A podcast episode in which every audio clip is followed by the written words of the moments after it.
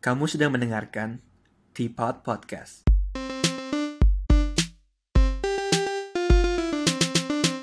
Hey guys, welcome back to Teapot. Di perspektif kita kali ini, kita bakal ngomongin tentang remote working. Jadi sebelumnya, em, karena kita kan udah sering banget bahas tentang corona dan itu kayak lagi heboh banget, kita jadi kepikiran buat bikin video tentang remote working. Nah, sekarang teman kita Sela, karena dia menurut kita experience dia remote working yang lumayan ada berapa berapa bulan, jadi kita pengen ngomongin tentang itu. Dan sebelumnya ya oke sebenarnya kita jel- jelas mulai sih. Jadi saya gimana pengalaman remote working awalnya pas baru mulai? Apakah lu senang atau kayak aduh kayaknya nggak enak kerja di rumah gitu? Hmm, pas baru mulai seneng sih pasti. Oh senang. Seneng. Soalnya kan pertama kali pas baru mulai dia pas banget abis Chinese New Year holiday. Oh, iya. Jadi pas masih holiday kan rasanya kayak yes masih work from home. Jadi nggak usah ke kantor. Hmm. Terus tengah-tengah udah berapa lama berubah nggak perasaan? Bosan. karena apa ya bosannya karena jadi sendiri sih. Biasanya kan di kantor kayak samping-samping tuh ada orang ketemu orang ngobrol. Tapi kalau sendiri rasanya jadi kayak bosan. Bosan ya. Nah terus lu bilang minggu lalu lu udah mulai balik ke kantor lagi. Mhm. Terus rasanya gimana? rasanya mixed feeling senang karena akhirnya tidak bosan lagi akhirnya bisa lebih produktif dan komunikasinya lebih gampang juga kalau mau discuss discuss gitu tapi sedihnya kayak ya sudah berakhir kayak mesti tambah extra time lagi lah kan ada commuting time Hmm. Oke, jadi kan, oke. Terus kita pengen lanjut ngomongin tentang em, kenapa remote working itu jadi makin populer. Kan yang pasti sekarang kita bisa ada remote working karena teknologi makin maju dan nggak semua profesi bisa ngelakuin kerja dari rumah ini kan. Hanya mungkin yang em, kalau misalnya yang kayak kerja di rumah sakit atau yang di restoran yang kayak gitu kan nggak mungkin bisa remote working. Dan menurut lu kenapa remote working ini sekarang jadi makin populer? Maksud gua nggak hanya karena keadaan darurat aja kayak like sekarang ini orang-orang jadi kerja dari rumah, tapi kan emang ada beberapa orang yang pengen aja remote working selamanya gitu. Oh, kayaknya menurut gua karena ya selain teknologi lebih maju terus kayak apa lagi ya? Hmm, ibaratnya misalnya lu punya pilihan, lu bisa remote working selamanya, misalnya. Lebih fleksibel sih. Maksudnya kayaknya orang sekarang lebih mau eh kayak sa- Kayak mereka salah lebih satu merhatiin flexibility itu salah satu kayak kriteria mereka mau ambil kerjaan itu atau enggak mungkin. Kayak mungkin masa oh gue suka kerja di sini karena dia lebih fleksibel. Jadi gue bisa like spend time with my family dan lain-lain. gitu. emang kelihatan trennya sih kalau orang-orang zaman sekarang yang generasi Gen Z sama generasi milenial gitu ya kelihatannya mereka lebih dan kita juga lebih mikirin well-being gitu well-being kita sendiri lebih mikirin kesehatan mental dan kita juga nggak nggak mau jadi orang yang overwork makanya itu kalau kita senang banget kalau misalnya ada yang makanya dulu kan sempat ada kerja itu kan 6, 6, hari ya minggu doang yang, yang libur kan zaman dulu Oh ya? Oh ya? kalau nggak salah mak- kayak bangkanya dulu kan sampai Sabtu ya kalau nggak salah ya Di Indo doang atau di, semua? di sini sa- sa- sa- sa- Sabtu juga sih di Hongkong Oh. tapi di satu setengah hari gitu dan makanya kan akhirnya ba- banyak company yang akhirnya ngurangin sampai lima hari workday dan bahkan mungkin bisa flexible working hours apalagi misalnya buat uh, orang-orang yang udah berkeluarga yang punya anak misalnya anaknya masih kecil juga kan lu mungkin mau ngantar anak lu sekolah mau ngapain aja. Itu menurut gue jadi salah satu alasan kenapa remote working ini bisa po- populer banget sih sekarang. Sih. Sebenarnya gue juga pikiran satu sih. Buat em, buat orang-orang yang pengen bisa eh, tinggal di negara yang lebih murah biaya hidupnya, tapi tetap dapat gajinya yang biaya negara maju, oh dari negara maju gitu. Oh. Jadi misal, Jadi kayak ngirit. Oh. iya terus atau nggak pengen em, bilangnya apa ya? No, yang pengen pindah-pindah aja pengen nyoba-nyoba negara lain, tapi tetap bisa sambil kerja gitu. tapi itu rare case banget ya Iya, Ya, tapi ya, Setahu rare gue sih kalau Iya, iya. misalnya remote working itu walaupun misalnya mereka nggak ke kantor tapi at, sih. Mereka di negara yang point- sama. at some point mereka ada meeting bareng gitu kan Iya. karena menurut gue sih walaupun remote working itu fleksibel dan lain sebagainya ya that's about it cuma buat fleksibel dan human interaction juga perlu banget sih buat Hmm. kerja desain kerjaan sih oh menurut menurut tuh gimana ya ya perlu sih perlu banget ya? Halo. kayak kan di kantor lu sama temen kantor lu nggak hanya ngomongin soal kerjaan itu doang kan kadang-kadang ngomong yang lebih casual yang santai dan ya itu perlu banget Hmm. Terus ya mungkin kalau di Jakarta itu kan mm, commuting itu lumayan stres ya. Gue rasa yang, yang tadi gue bahas juga kita ngomongin well-being orang-orang. The thought of not going out buat buat buat apa ya ngerasain macet Jakarta tuh kayaknya udah satu plus poin banget buat orang-orang. Misalnya dari lima hari mereka cuma ke kantor dua hari gitu kan tiga hari tuh lu bisa stress free nggak harus uh, ngadepin macetnya Jakarta gitu. Itu menurut gua oke banget sih jadi makanya itu lebih uh, ya jadi lebih, pop- lebih populer lah ya sekarang Iya. nah tapi kan sekarang orang-orang terpaksa nih banyak yang work from home kan Iya. jadi pas di Hong Kong orang-orang tak tahu semua disuruh work work from home. Mm-hmm. Terus juga di Indo kan sekarang udah mulai social distancing ya. Iya, jadi iya. gue dengar uh, si Anies Baswedan juga sempat ngomong kalau bisa semuanya di work from home. Mm-hmm. Habis itu kalau yang sekolah juga diliburin. Jadi semua orang akhirnya mau nggak mau udah mulai work, work from home nih. Nah ini kan jadi sebuah mo- momentum di mana konsep work from home ini dipaksa buat uji, uji coba di semua sektor di di semua sektor nih. Nah kalau menurut lu ada gak negatifnya dari work from home ini? Negatifnya yang pasti karena bahasanya di rumah sendiri mungkin lu ngerasa kayak nggak produktif. Lu ke distract melakukan hal lainnya Malah scrolling Instagram ya. uh, honestly gue di kantor juga kadang-kadang. Iya tapi di kantor kan habis rasanya kayak risih gitu nggak sih takut Kayak kelihatan guilt, orang iya, iya, kayak iya. guilty gitu Iya, iya. kan tapi kan kalau di rumah ya nggak ada yang lihat udah lah nggak ada yang lain Jadi pas scrollingnya masih ada. Oh, bentar masih matiin. Gitu. Kalau di rumah kan, ya udah lah. ya udah lah ya yang penting kan ini kayak ya udah yang penting kan online terus gitu kayak scrolling gitu terus apa lagi ya ini di Hong Kong atau di Indo nih misalnya work from home ya general, sih, general. general. kalau di Indo yang gua nggak tahu apakah teknologinya sudah mendukung untuk work from home misalnya udah kalau udah Oh. Te- teknologi apa misalnya nih menurut lu? nah saya pengalaman gue ya pas intern di Indo Hmm. even kayak nggak semua kantor itu sediain laptop buat eh, karyawannya gitu misalnya Oh. gimana kalau dia nggak punya laptop kantor pakai laptop sendiri Kayak itu pribadi. kalau dia nggak punya laptop pribadi Oh, oh, itu serem juga sih. atau misalnya software-softwarenya itu biasanya cuma ada di laptop kantor gitu misalnya. Tapi dia di laptop sendiri dia nggak install atau nggak ada softwarenya. Nggak. Nggak bisa kerja juga. Hmm. Lu apa gitu mungkin kalau di sini pun la- laptopnya terbatas ya? Atau emang setiap orang dapat satu gitu. kalau kalau di ya. tempat gua semua orang dapat satu sih dapat satu. Terus semuanya di equip sama itu ya. Iya dan kayak di laptopnya emang udah ada semua software yang dibutuhin gitu loh. dipinjemin gitu ya. Ah, kayak dipinjemin gitu. Tapi mungkin yang basic-basic kalau buat work from home itu ya paling video call ya. Iya sih. Tapi kalau misalnya kita mungkin kalau kita bicara general di kantor gitu mungkin kalau bisa work from home mungkin orang punya laptop sendiri lah ya minimal ya. Bi- Bisa dibilang gitu nggak? Atau itu terlalu menggeneralisasi? Menurut lu gimana? gue rasa sih zaman sekarang semua orang punya satu ya paling enggak Paling nggak sa- satu lah ya. pasti ada ya satu Terus kan dengan berkembangnya Google Docs, Oh, iya. apa sharing platform gitu, jadi walaupun lu nggak punya apa Word atau Excel yang bayar kan Google itu gratis, jadi gue rasa itu sangat memudahkan juga sih. atau atau enggak sih kalau di tempat gua kita kan emang nggak dikasih laptop sendiri sendiri kan Aha. tapi kita waktu itu ada dikasih option buat work from home terus em, caranya tuh kita bakal connect ke namanya remote desktop Oh iya iya. tahu. jadi kita nyambung ke komputer yang emang di perusahaan gitu Hmm. Jadi sharing servernya gitu ya? iya gitu ya? benar-benar Sharing. kayak di cloud Nah, Oke, iya, iya. Paling concernnya ya distraction aja sih. Distraction ya. Apalagi kalau misalnya orangnya udah punya keluarga atau Oh, punya oh anak, iya. terus nanti anaknya gangguin dia. Apalagi anak-anaknya lagi Anaknya lagi juga libur ya? sekolah juga. Libur juga. Libur juga, iya.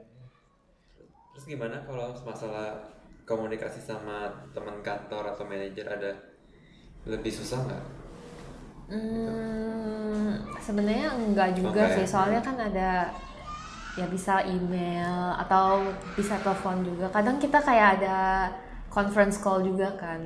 Jadi kayak dikasih dial in-nya tuh semua dial in aja terus kayak ya kayak meeting biasa aja sih.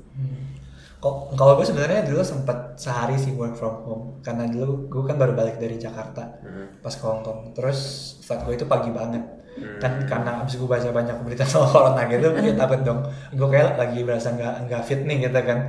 Jadi takut kalau keluar keluar gitu. Gue akhirnya minta izin sehari work from home. Besoknya gue baru gue balik kantor lagi. Dan dan gue ber- benar-benar berasa ada communication problem sih. Soalnya manajer gue itu dia kan lumayan sibuk juga. Dia juga kontak sama banyak orang. Jadi misalnya gue, gue dikasih kerjaan nih. Terus gue cuma butuh co- confirm this one information doang nih. Jadi udah udah confirm udah jadi lancar semua kerjaan gue. Tapi pas gue message dia, message dia tuh banyak banget semua orang message dia. Iya, Jadi iya, akhirnya me- message gue kayak tertimbun di antara message dia yang lain. Kayak akhirnya gue harus nganggur ah, sampai berapa lama dia akhirnya baru balas. Gue akhirnya baru bisa jalan. Jadi ya kalau dihitung-hitung produktivitas turun banget sih. Iya sih. Rasanya gitu. Nah, sebenarnya sama deh walaupun gua kerja di kantor tapi waktu manajer gua dia work from home dan kadang-kadang kan gua ada kontak-kontakan sama dia tapi ya pasti work from home jadi lebih susah gitu Sebenarnya banyak yang kontak dia juga pasti kan. Iya, iya. Ya, orang, orang, orang sibuk juga Iya. gitu kan. Menurut dia, eh, menurut gue emang semuanya jadi labi lama aja sih. Lebih lama ini benar-benar. terus sama paling kan kadang-kadang kan pas mau nanya sesuatu tuh lebih gampang kalau lu nunjukin layar lu gitu loh Iya, ini iya, ini iya. gimana gitu Iya, benar. ini gua cuma dari telepon terus gimana jelasinnya Nggak, gitu. kalau gue biasa kayak di chat aplikasinya gue screenshot screenshot layar gue. Oh, iya, iya, iya. Bisa, bisa, bisa. Nah tapi tadi kan kita sempat bilang, gue jadi baru sadar juga sih, kita kan sempat bilang tadi uh, salah satu keuntungannya itu kan fleksibel ya, working time. Tapi ada juga yang bilang fle- fle- fleksibilitas ini itu sebagai ne- negatifnya juga. Soalnya karena lu di rumah, lu kan nggak ada jam pasti kan. Hmm. Jadi katanya kalau lu kalau di kantor, oh yaudah gue udah tank pulang, ya udah Iya, nggak iya. ada yang judge lu gitu kan. Iya, iya. Soalnya emang udah jam pulang. Tapi karena lu karena lu flexible working hour, lu di rumah, lu lagi kerja juga. Jadi apakah ini akhirnya me- meruntuhin barrier antara bekerja dan hidup jadi akhirnya di mana bos lu bisa mantau kapan aja gitu jadi kayak oh ini di kontak-kontak terus gitu oh ini kerja udah kelar belum nah, akhirnya alih-alih lu fleksibel lu malah jadi working lebih banyak dibanding pas di kantor gitu Menurut gua itu sebenarnya balik ke lu nya sih. Lu yang harus tentuin your own barrier gitu loh. Lu yang harus tentuin the line between your life and your working life. Jadi kalau menurut lo udah nggak manusiawi lagi misalnya jam 10 malam, 11 malam, ya kerjanya besok aja sih. Iya.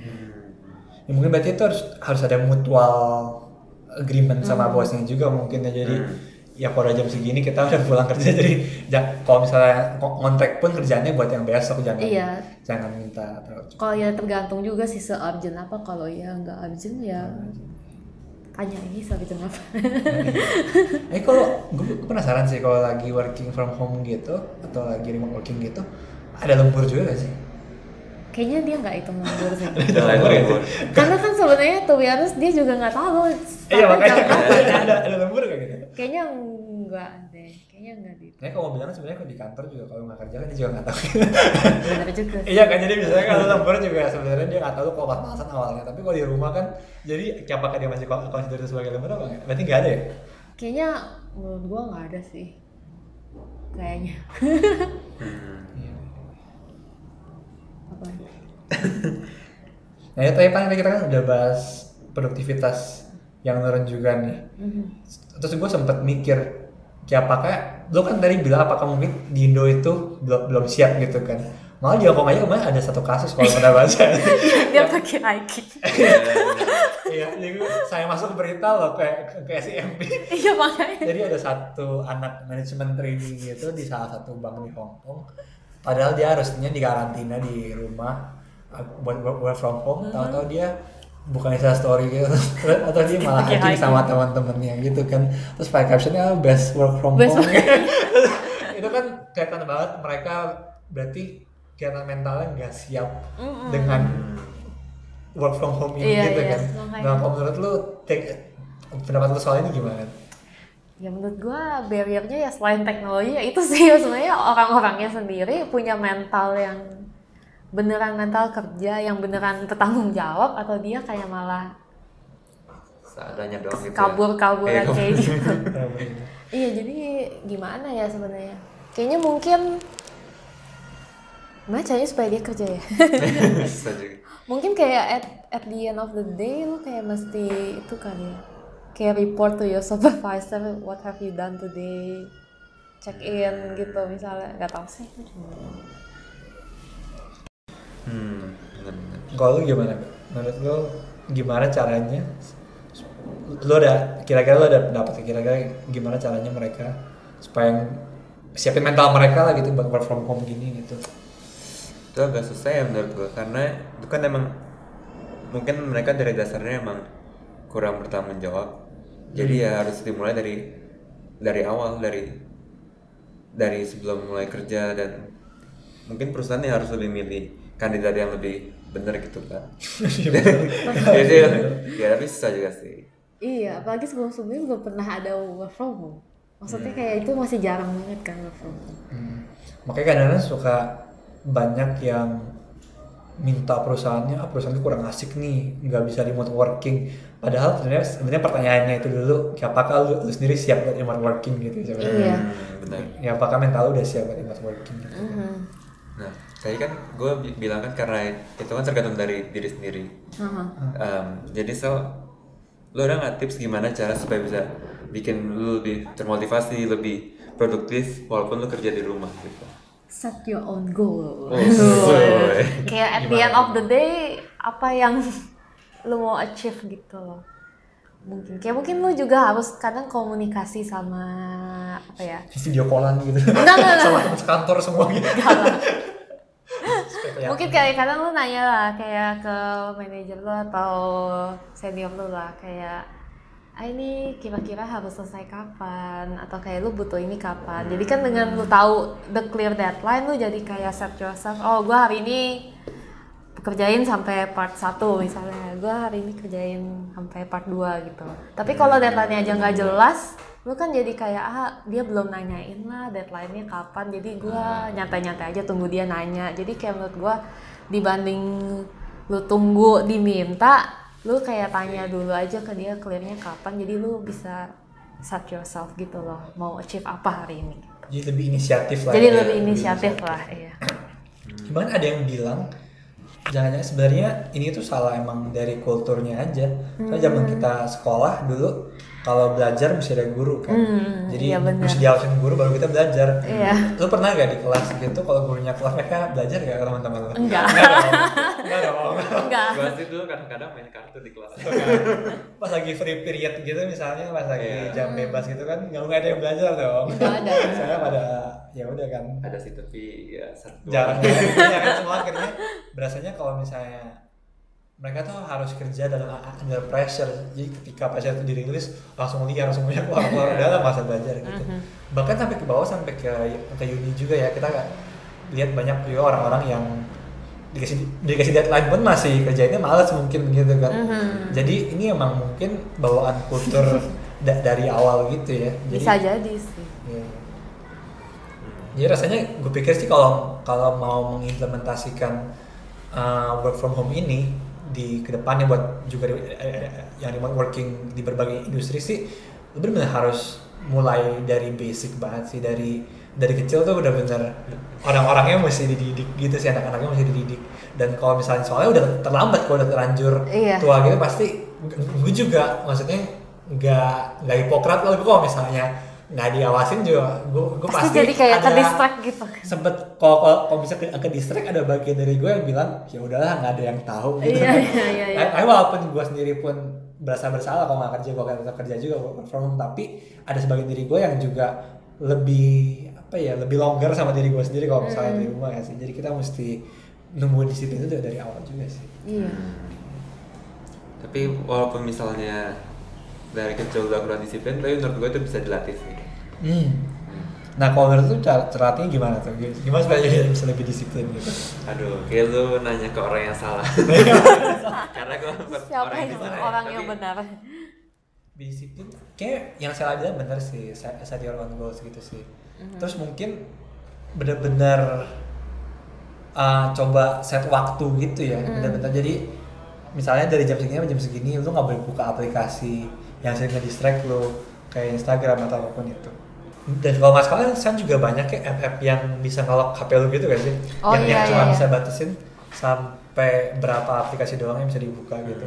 Dan yang gue rasa yang benar-benar yang paling penting sih mi- mindset lu Aha. kalau lu emang pengen kerja seharusnya kok lu bakal coba apa pun itu supaya lu bisa kerja tapi kalau mindset lu emang lu gak mau kerja lu mau punya aplikasi apa pun lu gak bakal kerja juga sih kayaknya Terus lu ya posisikan diri lu di mana lu bisa fokus gitu loh. Jadi jangan diranjang. Lu tahu lu bakalan Ah. ngantuk kalau diranjang ya jangan diranjang. Jadi kayak coba bikin sebisa mungkin environmentnya tuh memadai buat lo. Kayak mirip di kantor lah, misalnya kayak di meja, lu Iya. taruh laptop di sini, di meja, jangan kayak di kamar mungkin ngantuk gitu. Cuma mungkin kalau kalau lu udah punya anak jangan bareng anak kali ya. Iya. Jadi ke distract banget anaknya ngajak main dan lain sebagainya. Mhm. Terus kayaknya yang penting lu mandi deh, mandi terus ganti baju Ah yang iya iya rapihan iya sedikit. iya iya. Gue rasa itu, itu membantu menurut sih. gue juga membantu sih mindsetnya gua membantu sih. walaupun lu nggak pergi tapi kayak at least lu dress up as in lu beneran mau ke kantor itu merasa membuat menurut gue itu membuat lu lebih produktif Hmm. Karena lu berasa lu beneran kerja gitu instead of pakai baju tidur Iya, jadi kayak ada cue di otak lu pikir oke saatnya kerja nih ya. kan? Tapi kalau pakai baju rumah lagi kan ah, ini Iya, Ah, kayaknya iya. santai, santai santai ini gitu ya. Udah gitu sih. Jadi kayaknya yang terakhir gue cuma pengen nanya kan lu udah dari pengalaman selam, pengalaman selama ini remote working ke depannya lu pengen nggak kalau lu bisa remote working lagi lu bakal rekomendasi ke orang nggak? gue prefer yang setengah-setengah sih nggak full remote working tapi kayak kalau ada options untuk remote working mungkin gue kayak oke lah gue misalnya satu atau dua hari gue remote work gue di rumah gitu Hmm, jadi dua hari seminggu di rumah terus sisanya ke kantor iya gitu. iya mungkin gue prefer yang gitu Hmm. Kalau gue juga mirip sih.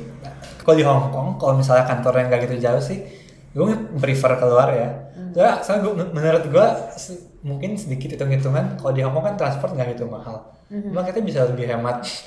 Kan kalau misalnya listrik jadi pakai listrik mereka kantor negara listrik di rumah jadi lebih hemat gitu jadi kita kurang lebih meng- menghemat sedikit lah gitu jadinya sih terus juga lebih fleksibel kalau misalnya lo butuh waktu atau misalnya lo capek semalam misalnya tidur kemalaman atau gimana pun Oh, lo akhirnya bisa lebih kayak in a sense bisa lebih produktif dengan cara lo sendiri kan kalau misalnya bisa gitu Ta- ta- tapi gue tetap mikir komunikasi face to face itu sangat dibutuhkan juga sih kalau lo sendiri gimana Kalau gua ya mungkin tergantung seberapa jauh dari rumah gua dari tempat gua kerja. Kalau dekat sih ya mending tiap hari ke kantor. Tapi kalau agak jauh kayaknya gua lebih setuju sama Sel ya. Mungkin dua hari di rumah. Gua belum pernah sih remote uh, work from home tapi hmm, dengar-dengar dari Sel kayaknya lumayan juga.